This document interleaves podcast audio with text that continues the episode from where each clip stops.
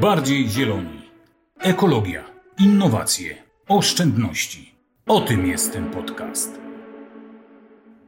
Dzień dobry, Urszula Pakulska. Witam w kolejnym odcinku naszych podcastów Bardziej Zieloni. 354 kg. Tyle rocznie odpadów wyrzuca jeden mieszkaniec województwa pomorskiego. Co trafia do kosza? Głównie żywność. To, co najczęściej kupujemy. Na drugim miejscu jest szkło, na kolejnym odpady wielkogabarytowe, czyli meble, kanapy, fotele, na kolejnych papier i plastik. O tym, czy istnieje szansa, aby tę liczbę 354 kg radykalnie zmniejszyć i w jaki sposób to zrobić, rozmawiać będę z Katarzyną Brejt-Koralewską, długoletnim pracownikiem Gdańskiego Funduszu. Witaj Kasiu. Cześć Ula, witam wszystkich słuchaczy. 354 kg to inaczej waga 10 telewizorów. Moim zdaniem bardzo dużo. Jak ty myślisz, Kasiu, ile ty odpadów wytwarzasz w ciągu roku? Ciężko mi jest to ocenić. Tak naprawdę nigdy nie liczyłam ani nie ważyłam odpadów, jakie wytwarzamy w naszym gospodarstwie domowym. Na pewno za dużo i strasznie mnie to irytuje, mimo że na co dzień staramy się szukać to kolejnych rozwiązań, żeby tych odpadów było mniej, to cały czas jest tego za dużo. No właśnie, mi też e, w sumie ciężko jest odpowiedzieć na to pytanie. Gdybym miała tak powiedzieć od razu, to bym zaryzykowała, że wyrzucam zdecydowanie mniej.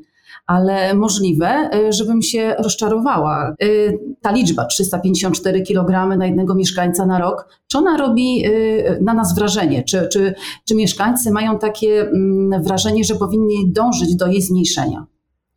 To wrażenie pewnie zależy od sytuacji, e, w jakiej znajduje się ten mieszkaniec. Pewnie jak pomyślimy, że to jest prawie kilogram na mieszkańca dziennie, no to jest tego sporo. Tym bardziej, że w odpadach komunalnych najczęściej lądują opakowania. Tak sporą, sporą część tych odpadów są opakowania, które zazwyczaj nie należą do odpadów bardzo ciężkich. E, I czy traktujemy je bez emocji, to właśnie zależy od tego, czy właśnie wychodzimy z tymi pięcioma koszami do śmietnika szczególnie jeżeli mieszka się w zabudowie wielorodzinnej i wiaty śmietnikowe czuć już z daleka.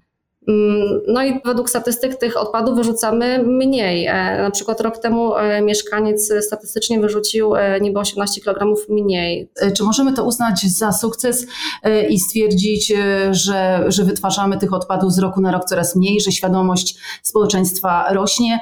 No 18 kg, no to w sumie zależy jak interpretować, ale to też nie jest tak mało.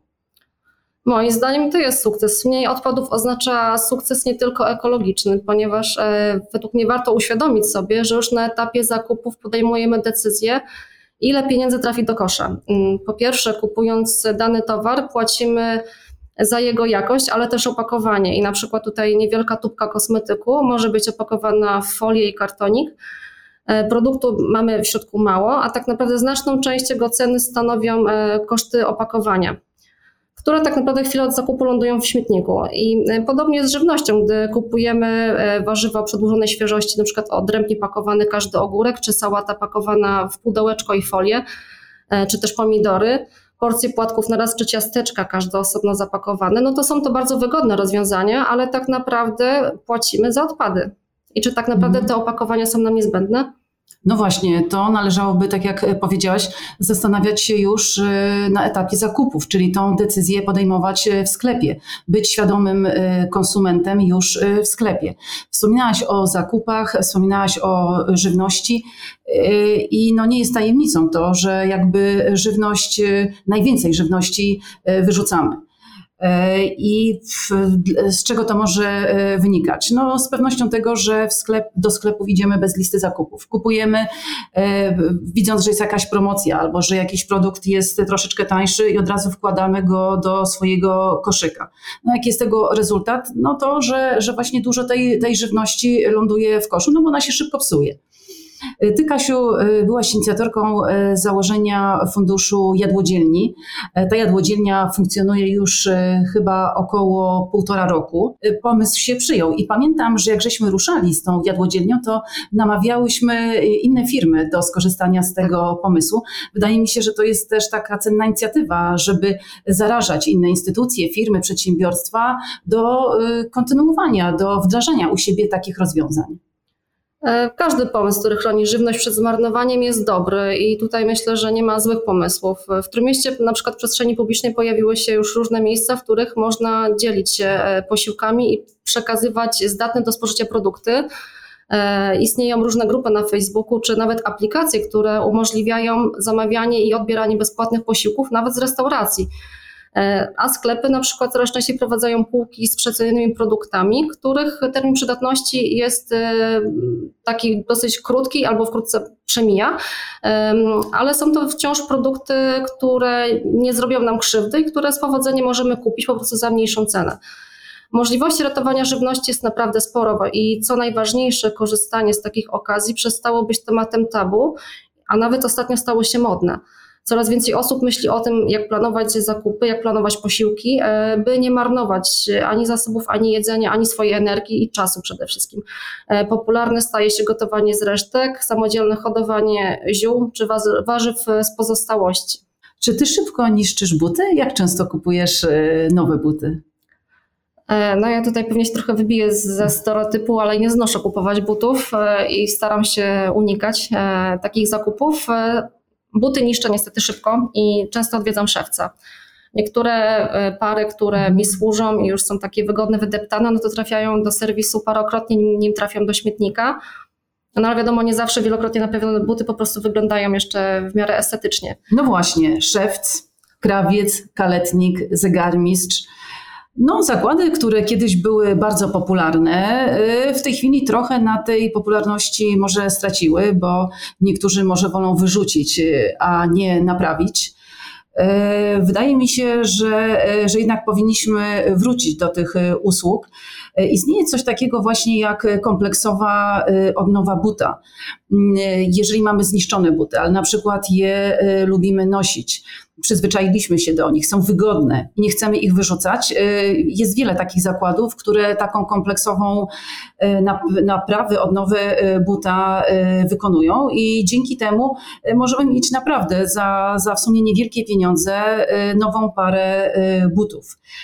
Tak samo właśnie krawiec, kaletnik czy, czy na przykład zegarmistrz, oni często ze starych rzeczy potrafią wyczarować prawdziwe, prawdziwe cuda i to można powiedzieć, że to jest takie koło napędowe gospodarki o obiegu zamkniętym. Mhm, to prawda. E, mówię, są, są firmy, tak jak powiedziałeś, które potrafią ze zużytych przedmiotów zrobić prawdziwe dzieła sztuki. I, I, to jest pewna żyła złota, ale pojawiają się też inne modele biznesowe, jak na przykład e, w Holandii działa firma, która mm, w ramach abonamentu wysyła klientom rocznie trzy pary jeansów, które po 12 miesiącach można zwrócić i przedłużając abonament wymienić sobie na nowe, e, wciąż modne czy dopasowane bardziej do sylwetki jeansy. Dzięki temu można nosić się modnie, wygodnie i bez jakichś środowiskowych wyrzutów sumienia. Także pojawiają się kolejne e, modele biznesowe, które pokazują, że ta ekologia staje się opłacalna i można na tym zarobić. Też coraz więcej koncernów odzieżowych ma kolekcje bazujące na materiałach z odzysku, E, bądź e, zbiera w sklepach, na terenie sklepów odzież, której już e, klienci nie potrzebują. I nawet jeżeli jest to taki typowy greenwashing, to jest to już pewien krok w stronę popularyzacji mody z drugiej ręki. Odzież można swobodnie przerabiać, a produktem finalnym wcale nie musi być tutaj czyściwo przemysłowe czy wypełniać do izolacji.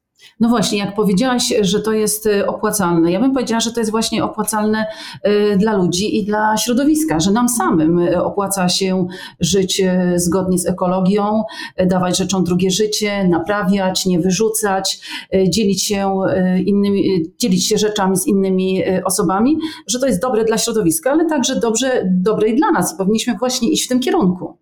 Tak, gospodarka w obiegu zamkniętym wszystkim się opłaca, tylko trzeba zacząć dostrzegać jej korzyści. Usługi naprawcze to ciężka praca, pewnie e, nie jest aż tak opłacalna w stosunku do wysiłku, jaki te osoby wkładają w odzyskiwanie tych rzeczy.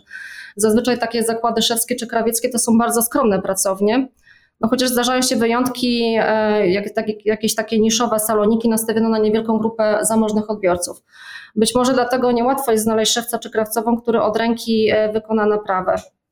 E, prawdą też jest, że producenci dostarczają do sklepów ogromne ilości stosunkowo taniej odzieży i obuwia, dlatego spora część osób zamiast naprawić, e, woli wyrzucić i kupić nowe ubrania czy buty. No właśnie, wczoraj czytałam taki artykuł, e, że produkujemy miliony ton odzieży i większość tak. z nich trafia na wysypisko, do kosza na śmieci. Dlaczego? Dlatego, że ta odzież jest stosunkowo tania, no i też stosunkowo szybko, szybko się, się niszczy. Dokładnie tak, gdy pojawia się to zjawisko, o którym wspomniałam na samym początku, że już na etapie zakupów podejmujemy decyzję, ile pieniędzy wyrzucamy do kosza.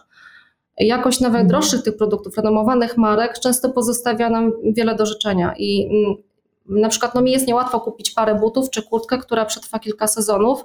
I tutaj nie chodzi o fason, e, tylko mm, o to, że materiały są wątpliwej jakości, szybko się zdzierają, pękają, e, prują zamki, odzież mychaci i wyciera. E, dlatego warto szukać produktów, e, nawet taką pocztą pantoflową, dowiadywać się, które są trwałe, które będziemy chcieli naprawić i które, e, których czas życia po prostu można wydłużyć. No właśnie, na początku rozmowy wspominałaś Kasiu o tych grupach facebookowych, o, o aplikacjach. No i właśnie są takie grupy jak Uratuj przed śmieciarką, Uwaga, śmieciarka jedzie. I jakby te członkowie tej grupy postanowili, żeby nie tylko informować o tym, że na przykład wyrzucają daną rzecz i można ją sobie wziąć spod śmietnika, ale przekazują ją e, z rąk do rąk, czyli idzie od e, poprzedniego, starego właściciela do nowego. E, I z tego, co na tych grupach facebookowych widać, tam, tam są naprawdę wspaniałe rzeczy. Tam są i sztućce, ekspres do kawy się zdarzył, czy meble, wózki, oczywiście książki, ubrania.